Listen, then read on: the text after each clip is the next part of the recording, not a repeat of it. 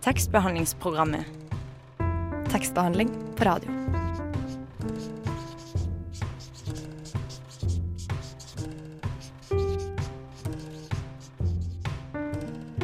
Tekstbehandlingsprogrammet. Tekstbehandling på radio. Det stemmer, du hører på tekstbehandlingsprogrammet på Radio Nova. Mitt navn er Ingrid Torrisen, og sammen med meg er Guro Flå Rønning. Hei. Hei. Eh, I løpet av den neste timen så skal vi ta deg med på en tidsreise. Eh, for om litt så får vi besøk av Yngve Kveine, eh, som har debutert med generasjonsromanen 'Lyden av asfalt'. Sammen med han så skal vi reise 30 år tilbake i tid, til et Oslo der Akerselva brutalt deler byen i to. Vi får også besøk av redaktøren av boka, Marius Gjeldnes, som kommer fra det ganske ferske Tigerforlaget. Og for å gi deg et lite hint om hva denne sendinga skal handle om, her får du Jokke og Valentinerne med 'Narkoman'. Jokke og Valentinerne har eksistert i tre år og skal bli en viktig del av en markant bølge i norsk rockekultur. Året er 1985, og en liten gutt fra Linderud skal snart begynne på skolen. Den lille gutten er hovedpersonen i Yngve Kveines debutroman 'Lyden av asfalt'. Hei, Yngve. Hallo. Hallo. Så hva handler 'Lyden av asfalt' om? Nei, 'Lyden av asfalt' det er jo en usminka generasjonsroman, som du nevnte i stad, om en gjeng gutter da, som vokser opp på Oslo øst, riktig side av byen, byen på 80- og 90-tallet. Og de gutta møter jo en uh, hverdag som etter hvert utarter seg til å bli ganske brutal, med en by som stadig blir uh, større, og familier som går i oppløsning, og utfordringer av diverse slag, altså. Med lærere som er ganske trakasserende, og mobber, blant annet. Mm. Uh, Det er jo en jeg-person i boka her. Hvem er egentlig han? Nei, jeg-personen, det er vel en relativt usikker person på mange måter. Han er vel en kar som føler seg litt utilpass sammen med alle de andre. Og han føler seg litt på sida av samfunnet, rett og slett. Han, det er vel som med mange andre av oss. Han prøver å finne plassen sin. Men det er ikke alltid så lett. Nei. Eh, For vi får jo aldri vite navnet til denne jeg-personen. Eh, Han heter ikke tilfeldigvis Yngve. Det er veldig mange som tror, men han heter ikke Yngve. Altså, det er jo en eh, Det er mange som spør om det, og det er jo, eh, det er jo klart at det, det er ikke en selvbiografi, det her, altså. Men jeg har brukt veldig mange kulisser fra mitt eget liv. Ja. ja, for det går jo klare paralleller mellom deg sjøl og eh, hovedpersonen i boka. Og store deler av boka virker som at det er liksom basert er det, er det noe som er direkte basert på ditt eget liv? Ja, etter hvert så blir det egentlig litt vanskelig å skille de tingene, altså. For det er klart at hovedpersonen han vokste jo opp med skilte foreldre på hver sin side av eh, Trondheimsveien. Det er derfor også boka fikk lyden av asfalt. For mens andre telte sauer, så lå han og hørte på suset fra bilene, da. Eh, men jeg har jo fråtsa litt på virkeligheten. Jeg må jo si det, altså. Så, eh, men å gå ut konkret med hva som er hva, hva som er meg, og hva som er oppdikta, det, det føler jeg ikke at jeg skylder noen å si. Nei. Det blir jo ekstra interessant, da. Mm. Um, ja, for vi tenker jo at det, at det her kanskje er deg, men også så virker det jo Den guttegjengen er, virker jo Det virker veldig virkelig, rett og slett. Uh, så vi har lurt litt på om det her på 80, slutten av 80-tallet, starten av 90-tallet, er det var denne guttegjengen som opplever ganske mye dramatiske ting? Var det en, en representativ guttegjeng? Ja, det tror jeg på mange måter. For jeg tror jo gutter er gutter. Og uansett hvor man vokser opp, eh, det har vært veldig hyggelige kommentarer. For noen har jo prøvd å sette det her i en bås som en isolert uh, Oslo-bok. Men jeg har jo fått veldig mye tilbakemeldinger fra folk som har vokst opp andre steder i landet også, at uh, dette kunne vært meg. Og dette er også boka jeg kunne skrevet. Så jeg tror nok det er veldig gjenkjennbart for uh, mange mennesker. Mm. Selv om det er såpass dramatiske ting som skjer. Ja, men er ikke livet ganske dramatisk noen ganger, da? Jo, kanskje man bare glemmer det et sted på veien.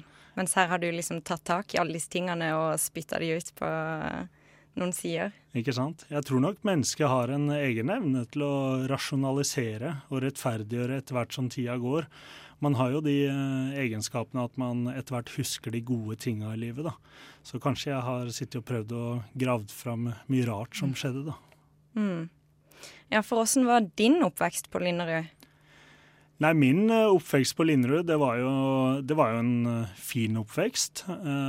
Vi følte jo på dette med en veldig delt by som det står i boka også. Første gang vi dro til, dro til byen på gikk 17. mai-tog og sånne ting, så så vi disse vestkantguttene og jentene som var sånn ultrastrigla folk som vi lurte på er det mulig, går an å se sånn ut. Så, men vi levde jo stort sett et uh, stille og beskytta liv oppe på, på Linderud, altså.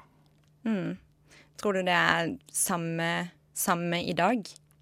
disse, denne følelsen av at byen er så veldig delt? Ja, jeg, jeg, mener at det er verre enn noensinne. Altså. For man ser jo en trend, stødig trend som går helt i feil retning når det gjelder byen vår. Altså.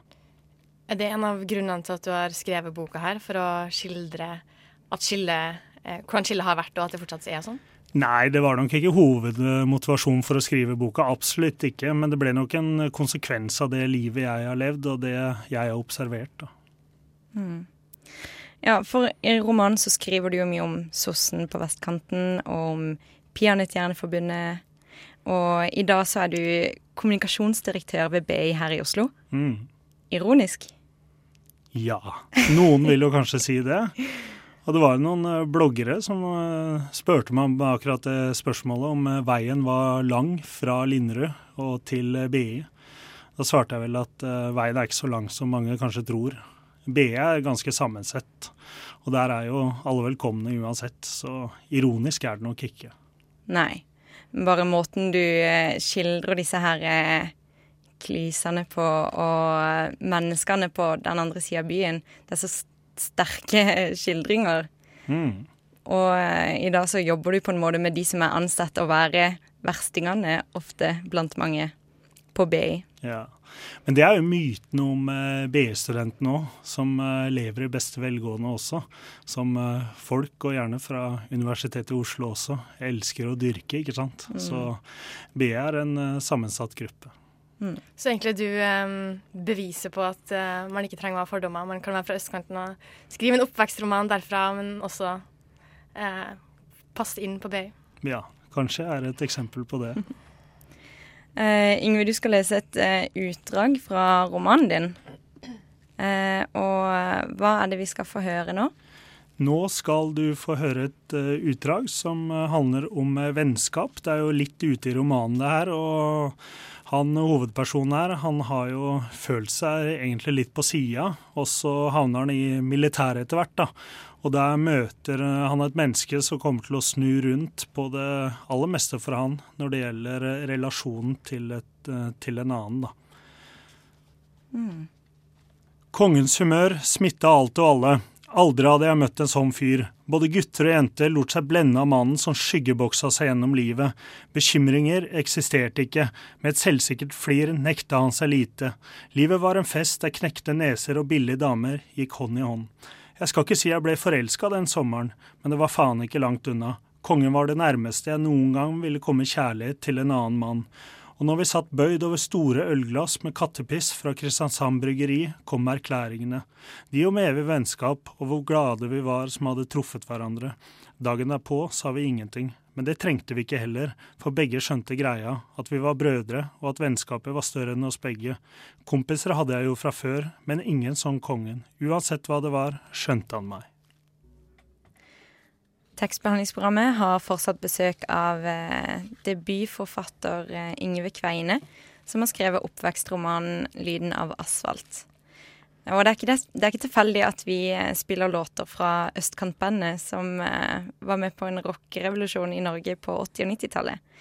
For det, det, går en veldig klar rød tråd og en rocka bakgrunnsmelodi gjennom hele romanen din, Yngve.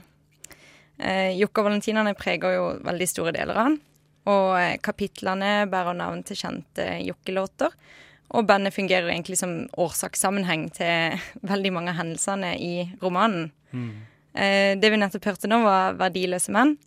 Og eh, Yngve, dette var en av dine ønskelåter i dag. Mm. Mm. Hva, hvordan forhold har du til denne låta? Nei, det er en av Jokkes absolutt sterkeste låter. Ingen tvil om det, altså. Uh, den setter ord på, på, hvordan man som menneske kan ha det litt tøft og vanskelig og føle seg litt på sida av samfunnet. Så, men man får en felles skjebne og felles trøst når man hører den sangen. Mm. For hva er det med Jokke som har gjort at det har fått så stor plass i boka di? Nei, det er bare å høre på musikken hans. Altså. Den er fullstendig genial. Uh, både Jokke og Valentinerne og Jokke med Tourettes, altså. Det er jo, det er jo fantastiske uh, kunstneriske evner den mannen hadde. Så uh, Men jeg satt og skrev, og jeg bestemte meg på et eller annet tidspunkt at jeg skulle prøve å sette ned de 40-50 notatblokkene jeg hadde, da, med, med ulike skriblerier, og prøve å lage en bok. Og mens jeg skrev, så kom jeg hele tida inn på jokkereferanser og jokkesanger, og det ble en helt uh, naturlig del av hele greia. Så, så, det var helt umulig å komme utenom, altså. Mm. Eh, for slik du beskriver jokkes betydning eh, for jeg-personen i romanen, jeg lurer på om det er sånn du har følt det i oppveksten? Mm. Ja, nei, altså Jokke betydde utrolig mye for oss. For uh, vi var jo en gjeng som uh, følte oss litt på sida av samfunnet. Og, og, det var noen ganger tøft og vanskelig å vokse opp. ikke sant? Og Jeg husker første gang vi satt i kjellerstua til en eh, kompis. da. Det er for øvrig sammenfallende med det som står i romanen. Penthausen. Ja, Penthausen, ja. Så, så, var det noe som eksploderte inni oss altså når vi hørte den musikken. For han uh, satte ord på følelser og tanker og den råheten i teksten som vi ikke helt hadde klart å uttrykke tidligere. Så, så det var helt strålende. Mm. Um, så, du, så, du, han live sjøl? Jeg fikk aldri sett Jokke live, og det er så kjipt, vet du. Ah. Jeg, eh, jeg, ble jo 18 i 97, og jeg husker et par år tidligere så skulle vi drive og skaffe noe fake leg og sånne ting. Og så var det noen av gutta som ble tatt for det, så da turte vi ikke. Og så gikk det raskt nedover med Jokke, så det fikk jeg aldri gjort, dessverre. Nei. Har du vært på noen sånne um, tribute-konserter? Å ja, ja, ja. Jeg har fått med alt av det seinere. ja, du har det, ja. ja, ja. Spiller du kanskje Jokke sjøl, da? Ja, ja. ja det, det, jeg spiller ikke musikk selv, men jeg spiller alltid plater og CD-er. Og han har jo vært med på hvert eneste vorspiel vi har hatt gjennom uh, åra, og det har ikke vært få. Så han er alltid til stede. Mm. Også i dag. Også i dag. Mm. Um, for, ja, for du skriver jo at mange eller du skriver mange ganger om hvor viktig disse sangtekstene er for karakterene i romanen, mm. og at uh, lyrikken ble noe som, som eh, holdt dere oppe og holdt dere sammen. Uh, og um, fra da til nå så har jo veldig mye skjedd i musikkindustrien. Den er jo ikke gjenkjennelig fra, fra 80- og 90-tallet, kanskje. Mm. Uh, men tror du tekstene til Jokke kan være like viktige for ungdom i dag, eller tror du det var noe spesielt med den tida? Nei, jeg, jeg, mener jo helt oppriktig at han er eh, en av de aller største artistene vi har hatt noensinne i Norge, hvis ikke den største ved siden av Alf Prøysen. Så det er jo klart at det, det, er jo stor kunst, og den står seg uansett tid. Og du ser jo det mm, når nye generasjoner virkelig får opp eh, øra for Jokke. Man ser det på Rockefeller eller hvor de har disse konsertene sine. De reiser jo land og strand rundt og fyller hver en arena, altså, eller pub eller hvor det skal være. Så her kommer det stadig nye fans fans. Det er nesten tre generasjoner som står og skriker etter øl eller synger de samme sangene. Så mm. dette, ja, det sier jo sitt. Mm. Jeg var faktisk Jeg har ikke hørt noe på Jokke og valentinerne før jeg leste romanen din. Mm. Så den kan jo også ja, Bare de klassikerne som alle har hørt. Mm. Men uh, så, så, det er jo også en litt sånn rekruttering til nye Jokke-fans. Så nå har jo jeg, jeg har hørt mye på Jokke mens jeg har lest romanen din, mm. som også er et uh, tips uh, for øvrig. For ja. det, det, gir Det setter liksom stemninga, da.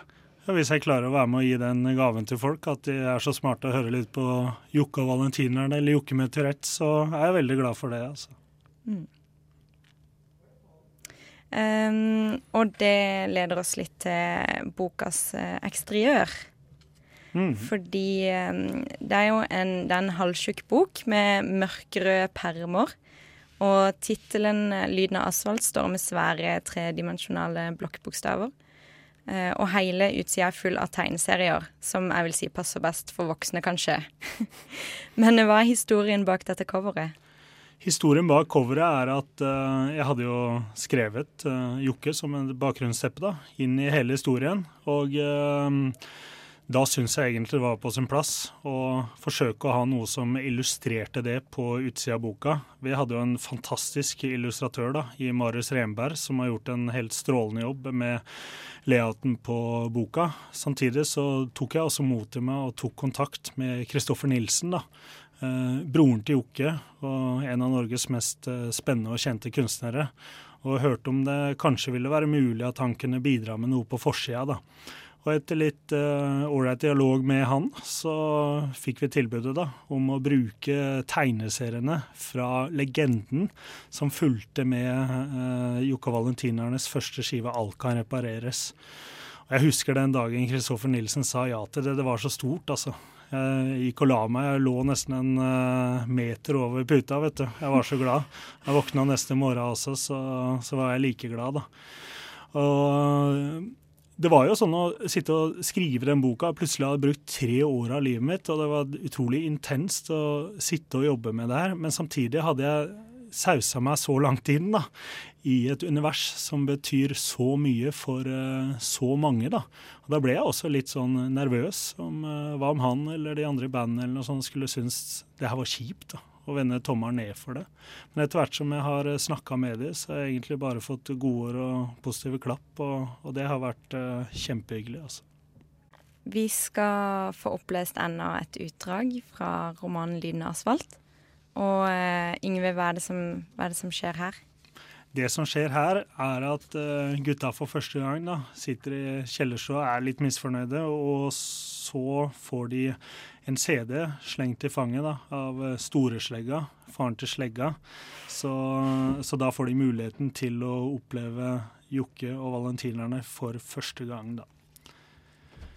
Så eksploderte alt i fete rytmer og enda mer ord. Stemmen våkna til liv og dundra av gårde. Musikken var ulikt alt vi tidligere hadde hørt, rå og brutal, som om det sto om selve livet. Tonene gikk gjennom marg og bein, det hele oste av svimmel frykt og kaldt ubehag. Penthousen våkna til liv, svetten rant fra veggene, bassen dunka så ølboksene dirra, i øyekroken så jeg sleggas halvåpne munn, hevneren og Tony rugga hodene fram og tilbake, alt mens sangene jobba seg hardt videre. Fy faen så fett, aldri hørt noe så kult, skreik slegga entusiastisk. Han reiste seg opp og spilte luftgitar før hevneren spratt opp og gjorde nøyaktig det samme. Tony og jeg ble sittende, beina bevega seg opp og ned, følelsen var var overveldende, sangene reiv oss med, og ikke siden Åge, trønderrockeren, hadde jeg kjent noe lignende. Orda som kom, tulla meg inn i en annen verden, Jokkes verden, en verden som var faen så mye kulere enn skrapet vi som ofte sørte på. Så gnagde andre strofer seg sakte inn i hodet. En by som alle rømmer til, en kirkegård av drømmer, hvor ingen veit helt hva den vil eller hvordan den skal få det til. Sangene omfavna oss som en mektig hånd der vi satt i kjellerstua. Svett uro fanga sjela mi, så levende at handlinga flimra som en film foran øya. Kald ironi og usminka sannheter fråda ut av høyttalerne, så tett og så jævla mye mer spenstig enn Beatles og Stones. Jokke sang slik vi snakka, han ga fingeren til smiskerne og tommelen opp til sånne som oss. Det var Jokke Valentinerne med Ut av byen. Du hører fortsatt på eh, tekstbehandlingsprogrammet, og vi sitter i studio med debutforfatter Yngve Kveine, som har skrevet oppvekstromanen 'Lyden av asfalt'. Eh, Yngve, hva tenker du når du hører denne låta? Jeg blir jo glad når jeg hører den, som jeg blir når jeg hører de fleste av Jokkes låter. Men uh, akkurat den her så tenker jeg uh, han reiser ut av byen, ut av Oslo. Man blir jo lei av Oslo noen ganger.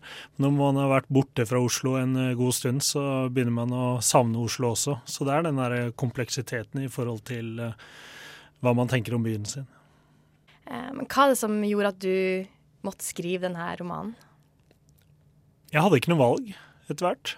For det, det, var de eh, notatblokkene som sagt, som jeg tok og fylte opp. da. Etter hvert så var det så mange historier og ideer som eh, buldra inni meg. Så jeg, jeg, tror ikke jeg hadde fått helt eh, fred i livet hvis jeg ikke hadde forsøkt å gjøre det her.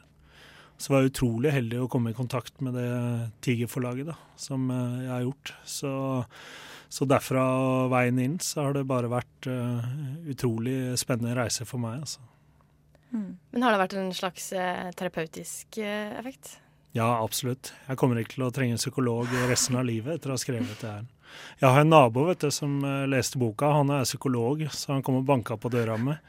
Og så sa han nå har jeg både gitt deg diagnose og skrevet ut resept til deg. Så den kan tjene mange funksjoner, den boka her. Ja, Så du kan tjene penger på å være din egen psykolog, Ikke sant? faktisk. Genialt. Um, og du har sagt at eh, du følte deg helt tom da boka endelig sto ferdig. Mm. Kan du forklare denne følelsen litt nærmere? Nei, altså du vrenger sjela di og enda litt til. da. Du gir virkelig alt. Altså du, du røsker opp eh, alt du har inni deg for å klare å komme i mål. Det å skrive en bok er jo, i hvert fall for meg, en eh, utrolig fin måte å plage seg selv på. Den eh, har jo gitt meg noen av de absolutt fineste opplevelsene jeg har hatt i livet. Men uh, også noen av de verste når du sitter og sliter der. Å skrive en bok, det, for meg, det har jo vært sånn eh, Kanskje 5% euforisk inspirasjon, og da er det bare helt fantastisk når setningene flyter ut på blokka. Det er bare alt sånn det skal være. Men uh, realiteten er vel at det er 95% hardt arbeid. Men Betyr det at det her er det siste vi hører fra deg? Nei, det tror jeg ikke. For når jeg først har fått smaken på det, og jeg merker jo nå gryende at det begynner å poppe opp eh, nye historier og tanker i hodet mitt, så det får vi ikke håpe. Eh, hva er det som har, eller Hvem er det som inspirerer deg, da? Nei, det er jo store forfattere, det. altså. Det er jo Ingvar Ambjørnsen, f.eks. Han er jo helt fantastisk forfatter. Han er også skrevet inn i boka da, med en litt pinlig episode for hovedpersonen, som etter hvert eh, ønsker å skrive. da. Og så får han det over seg at han skal ringe ned til Hamburg da, og snakke med Ingvar Ambjørnsen. Og det ble jo en utrolig klein samtale, da. Så Ingvar Ambjørnsen også i det virkelige liv er en stor inspirasjonskilde. Ja. Det er jo, den samtalen er jo faktisk helt fantastisk. Den kunne du ikke vært foruten. Uh, Ingve, du skal lese et siste utdrag fra Lyden av asfalt. Og hva er det vi skal få høre nå? Nei, nå skal du få høre da hovedpersonen. Han uh, begynner etter hvert å skjønne at han liker litteratur, og kanskje vil ha noe sånn uh, forsøke seg på det kunstneriske, da. Så vi skal få høre hans møte med biblioteket, da, ved Bjerke travbane. Jeg begynte å gå lange turer. Jeg vet ikke hvorfor, men plutselig hadde beina ført meg opp trappa til biblioteket. Jeg hadde så vidt vært innom med klassen, men aldri aleine. Lokalene var hvite, en ung dame med strikk i håret ønska meg rolig velkommen. Hun ga meg et kort blikk før hun igjen så på skjermen foran seg. Jeg gikk innover, mellom hvite reoler der enorme mengder med bøker var stabla etter sjanger og alfabetisk rekkefølge. Jeg plukka ut et par stykker og satte meg i en stol med innsydde puter i ryggen. De første setningene var magiske, snakka til meg på en annen måte enn noe annet jeg hadde lest.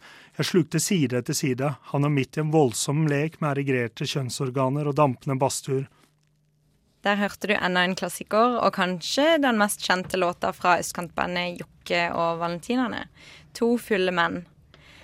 Tekstbehandlingsprogrammet har fortsatt besøk av Yngve Kveine, som er her med sin debutroman 'Lyden asfalt'.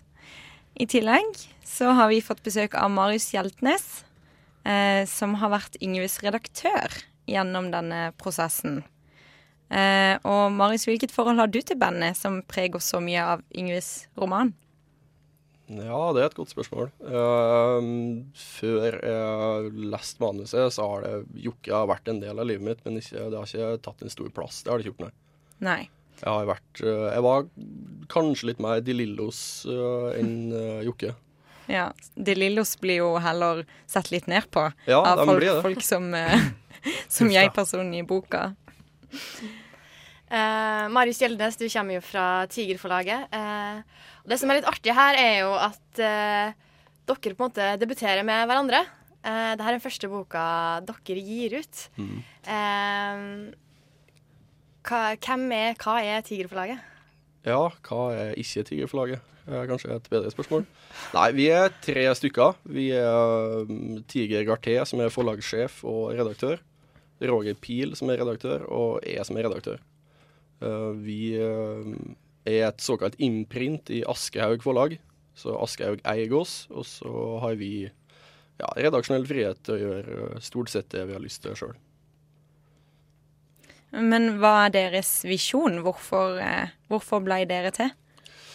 Nei, vi hadde en uh, liten tanke om at vi hadde lyst til å gjøre noe sjøl. Vi har alle tidligere vært tilknytta andre forlag.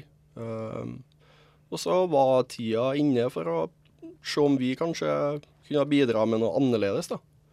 Rett og slett. Så vi, uh, vi er glad i debutanter. Vi er glad i mye litteratur som vi kanskje mener ikke får så mye oppmerksomhet. da. Ja, for det er litt deres oppdrag å få fram debutanter, finne nye skrivetalenter. Ja, blant annet, ja. Mm. Der, eh, der, kommer Yngve inn. Ja. ja, det er utrolig hyggelig å debutere sammen med deg, Marius. Jeg må jo bare si det. altså. Kunne ikke funnet en bedre partner. Å, så bra. Uh, ja, for åssen fungerer det egentlig sånn rent dynamisk? Uh, Marius, du har vært den som har vært nærmest Yngve når det kommer til publisering av denne romanen. Hvordan er et sånt et sam samarbeid? Ja, eh, det er jo viktig. Vi må jo Vi har jo vært tre redaktører på Yngve, da. Eh, men jeg har kanskje jobba litt ekstra. Eh, men nei, det har vært Altså, vi fant tonen med en gang. Det var ingenting som lå imellom oss nesten fra første stund. Mm. Så vi har ringt hverandre på sene kvelder, sendt meldinger, vært ute og drukket øl og ja, kosa oss uh, i prosessen. Mm. Hvordan oppsto Unnskyld. Uh, hvordan oppsto samarbeidet? Hvordan samarbeidet oppsto? Ja, nei, det starta vel med at du sendte hva, 36 sider til Tiger. Mm. Som var den Tiger var det første kontaktpunktet Yngve hadde. Mm. Jeg kom inn ganske mye seinere i prosessen. Uh, så du hadde lest om tiger i i eh, Aftenposten. Jeg hadde en pappaperm, og så tenkte jeg at jeg måtte gjøre noe annet fornuftig enn bare å passe på han eh, sønnen min. da. Så ble jeg enig med mentoren min da, om at uh, jeg skulle forsøke å lage et utkast som skulle sendes til et forlag. Så at jeg leste i Aftenposten om en mann som het Tiger Garté, og måten han tok seg av debutanter på. da. Og det syns jeg var så utrolig sympatisk at jeg plukka opp telefonen og så sendte jeg 38 sider, og dagen etterpå så ba han meg på forlagsfest.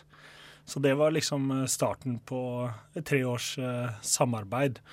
Og Marius kom jo inn i, eh, i, bildet etter hvert også. Jeg husker jo det var en ufattelig stor opplevelse for meg også da. Da jeg fikk tilsendt en 15 siders vurdering av, av Jeg hadde vel skrevet ca. 150 sider da. Og, og, det var så på kornet, og det var liksom ah, Han skjønner greia. Så da felte jeg nesten en tåre. Så det var utrolig fint å sitte og lese. Kan vi snakke litt mer om uh, dette her med å starte et nytt forlag? Ikke helt fra scratch, men uh, dere har blitt spunnet ut av Aschehoug. Mm. Uh, hvordan fungerer det? Hvordan skal dere bygge et merkevare, en merkevare for dere sjøl. Og starte helt eh, Nå har dere én forfatter, har dere mange prosjekter? Ja, vi har to bøker til i høst, da.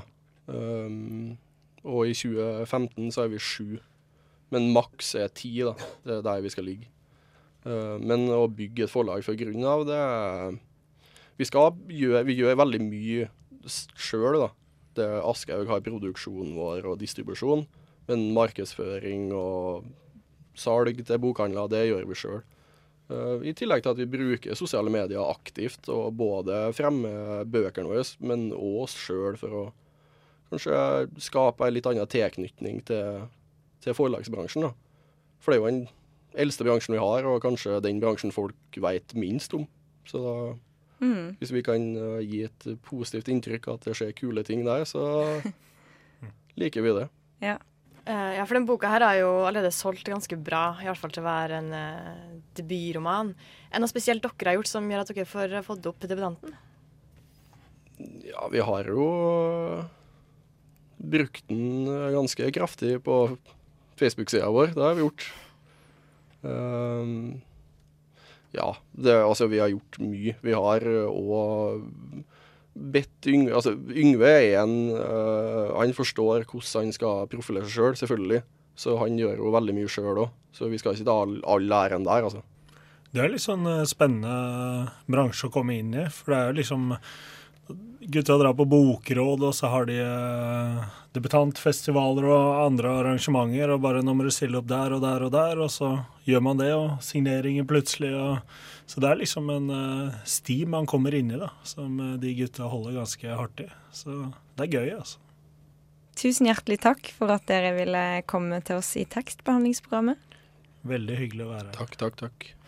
Her kommer vinteren. Jokke og Valentinerne med 'Her kommer vinteren'. Og med den låta så har vi avslutta vår tidsreise og hoppa tilbake til 2014. Nå skal vi få høre en anmelderduell med Maria Lokna og Susanne Gripsrud. Terningkast én! Nei, du, den her likte jeg skikkelig godt, altså. Terningkast seks! Ja, men jeg syns den var virkelig. Den var bra litteratur. Anmelderduellen. Jeg sier ja! Jeg sier nei! Denne vil jeg lese igjen. Terningkast én! Men hva synes du om boka? Vi har lest roman 33 av Kjersti Andesdatter Skomsvold, som er hennes tredje roman og fjerde bok, før også gitt ut en diktsamling. Eh, debutromanen hennes, eh, 'Jo fortere jeg går, jo mindre er jeg', kom i 2009. Eh, og den var allerede en eh, suksess. Fikk gode litteraturkritikker. Og 'Monstermennesket' fra 2012 eh, har også blitt snakka mye om. Det er en selvbiografisk roman som handler om å skrive seg ut av ME-sykdom og det å være forfatter og bli frisk. Og det som er litt interessant, er at i den boka så møter vi den irske absurdisten Samuel, Samuel Beckett, som er en inspirasjon. Og han er også en av eh, hovedpersonene i 33, som eh, vi skal anmelde nå. Du kan fortelle litt om handlingen, eh, Susanne? Ja, det handler om en hovedperson som heter K. Hun er matematikklærer, men hun ønsker også å skrive. Og så er det to menn som er ganske sentrale, mm. som begge vel skriver. Eller har skrevet for den første, da, som er Ferdinand, som er kjæresten hennes. Eh, men han har tatt livet av seg. Eh, men han er fortsatt veldig til stede da, i tankene hennes, og som om han er Det føles ut som om man er på en måte fysisk til stede også. Mm.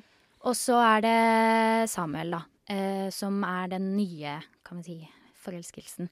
Mm. Eller som hun i hvert fall i begynnelsen er veldig fascinert av også, da. Og så eh, Ja. Og så er det en, et, noe som blir referert til som barnet, men som jeg er litt usikker på om egentlig er et barn. Det er litt sånn uklart om det er en, et dyr, egentlig. Og så, som er sentral, men som hun på en måte refererer til som barnet. Og så kommer det også et uh, faktisk barn, uh, som er da avkommet, kan du si, mm. til uh, K og Samuel.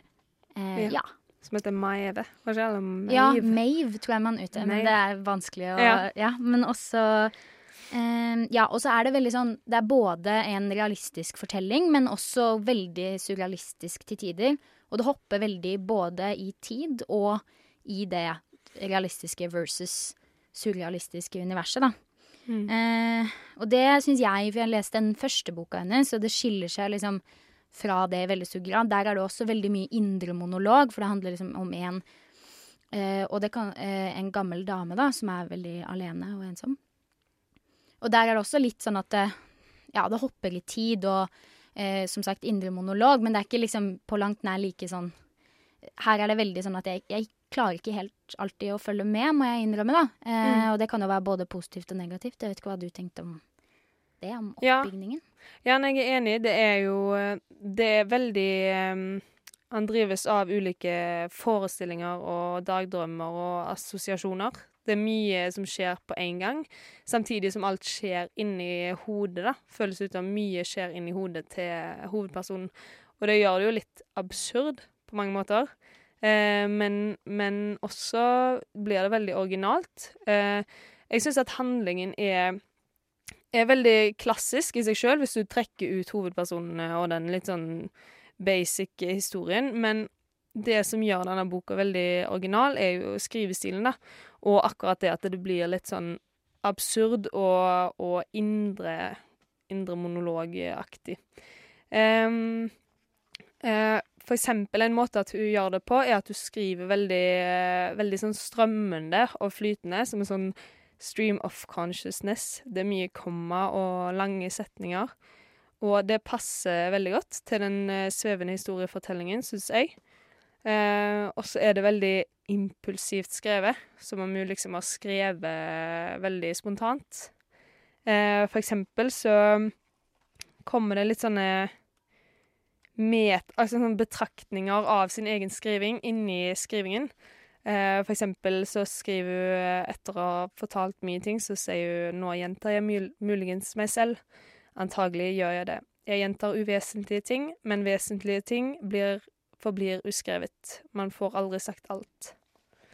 Og det er jo et liksom, eksempel på at hun ja, tenker mange tanker på en gang, da, altså hovedpersonen, og, og liksom uttrykker det som om du ja, snakker til en venn. Mm. Ja, jeg er enig i det, men jeg, jeg må liksom eh, Jeg synes også at det at om det muligens hadde gjort enda større inntrykk på meg å bare la enkelte av de setningene stå for seg selv, da. Fordi det jeg Mm. sitter igjen med som det jeg syns er For jeg likte også Jeg likte også mye av den, men da likte jeg heller deler av den veldig godt. Og så synes jeg ofte at eh, hun kan For jeg liker veldig godt, ja, som sagt, liksom enkeltsetninger nesten, da. Og jeg lurer på om man for min del kanskje kunne ha delt den opp i flere deler, nesten. Eh, og at det fortsatt hadde vært en roman, men at den bare hadde vært mer sånn oppstykka, kanskje. Mm. Eh, at jeg hadde likt det bedre, og i hvert fall kunne lagd mer Altså systematisert det mer, da. Ehm, og så, syns, eh, så vet jeg ikke helt hva jeg synes om det, for hun driver og motsier seg selv en del.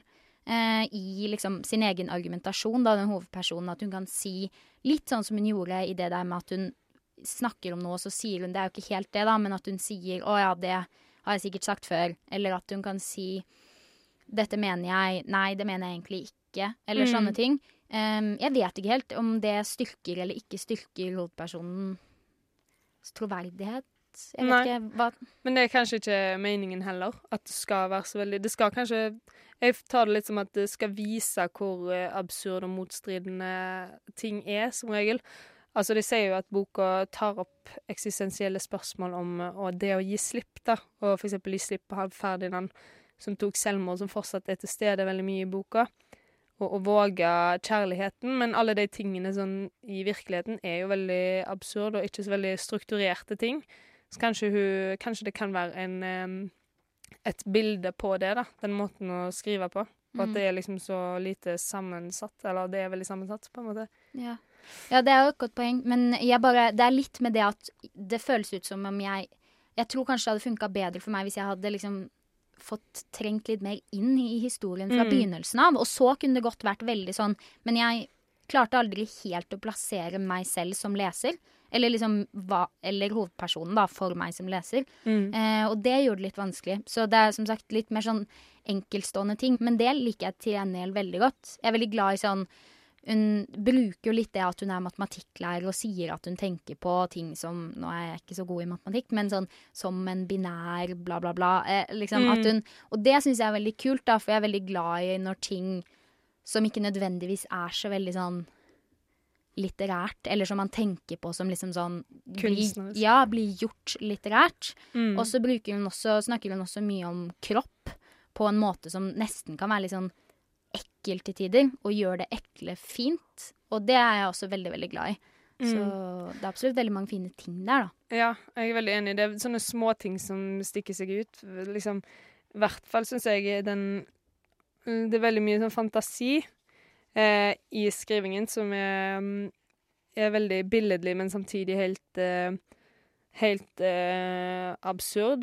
Eh, for eksempel når hun er hos eh, doktoren sin, hun K, og han skal gjøre en eh, gynekologisk undersøkelse på henne, og hun skriver at jeg er i det minste glad for at jeg ikke gråter, for det ville vært normalt. Jeg klarer ikke å samle beina, enda det er det eneste jeg vil.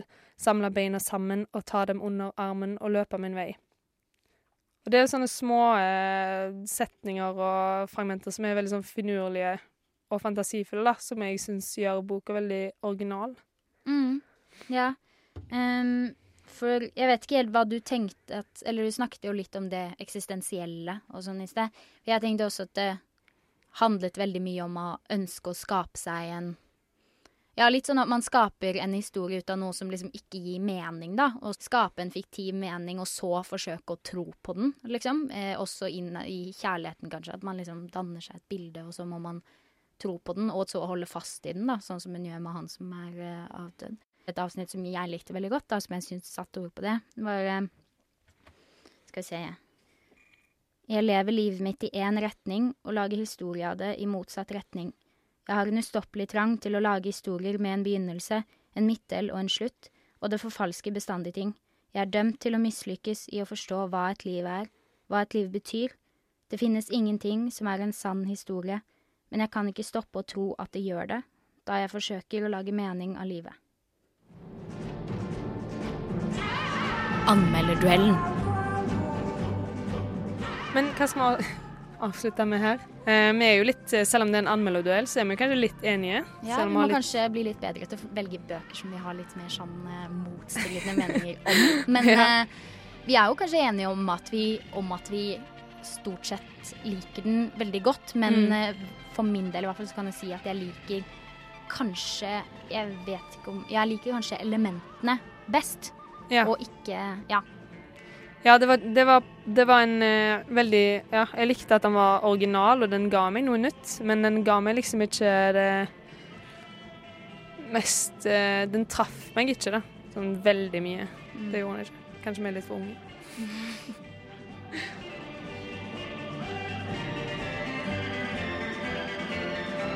Anmelderduellen.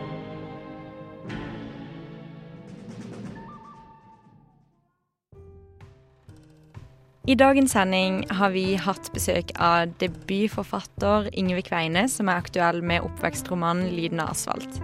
I tillegg så har vi hatt med oss romans redaktør, Marius Hjeltnes fra Tigerforlaget. I neste ukes eh, tekstbehandlingsprogram så får vi bl.a. en anmeldelse av Linnea Myhres nye bok 'Kjære'. Tekstbehandlingsprogrammet er over, men vi er tilbake til samme tid neste uke. I mellomtida kan du høre på sendinga vår i reprise på radionova.no og på vår Soundcloud. Mitt navn er Ingrid Torrisen.